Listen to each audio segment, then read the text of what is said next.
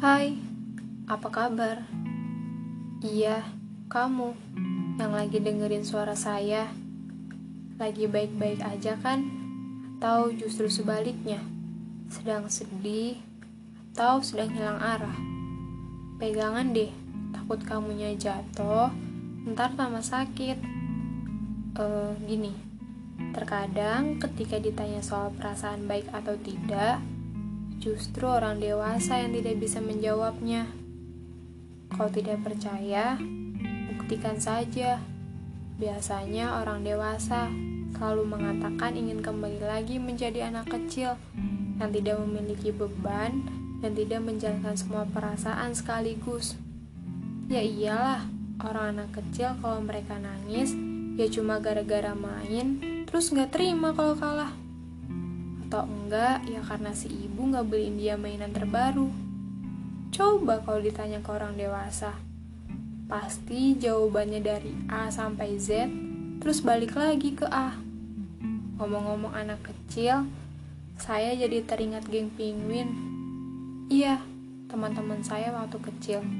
Apa kabar ya mereka? Saya mendadak rindu. Dulu, waktu saya kecil, setiap sorenya selalu ramai di lapangan komplek. Ada yang main sodor, main petak umpet, main sepak bola.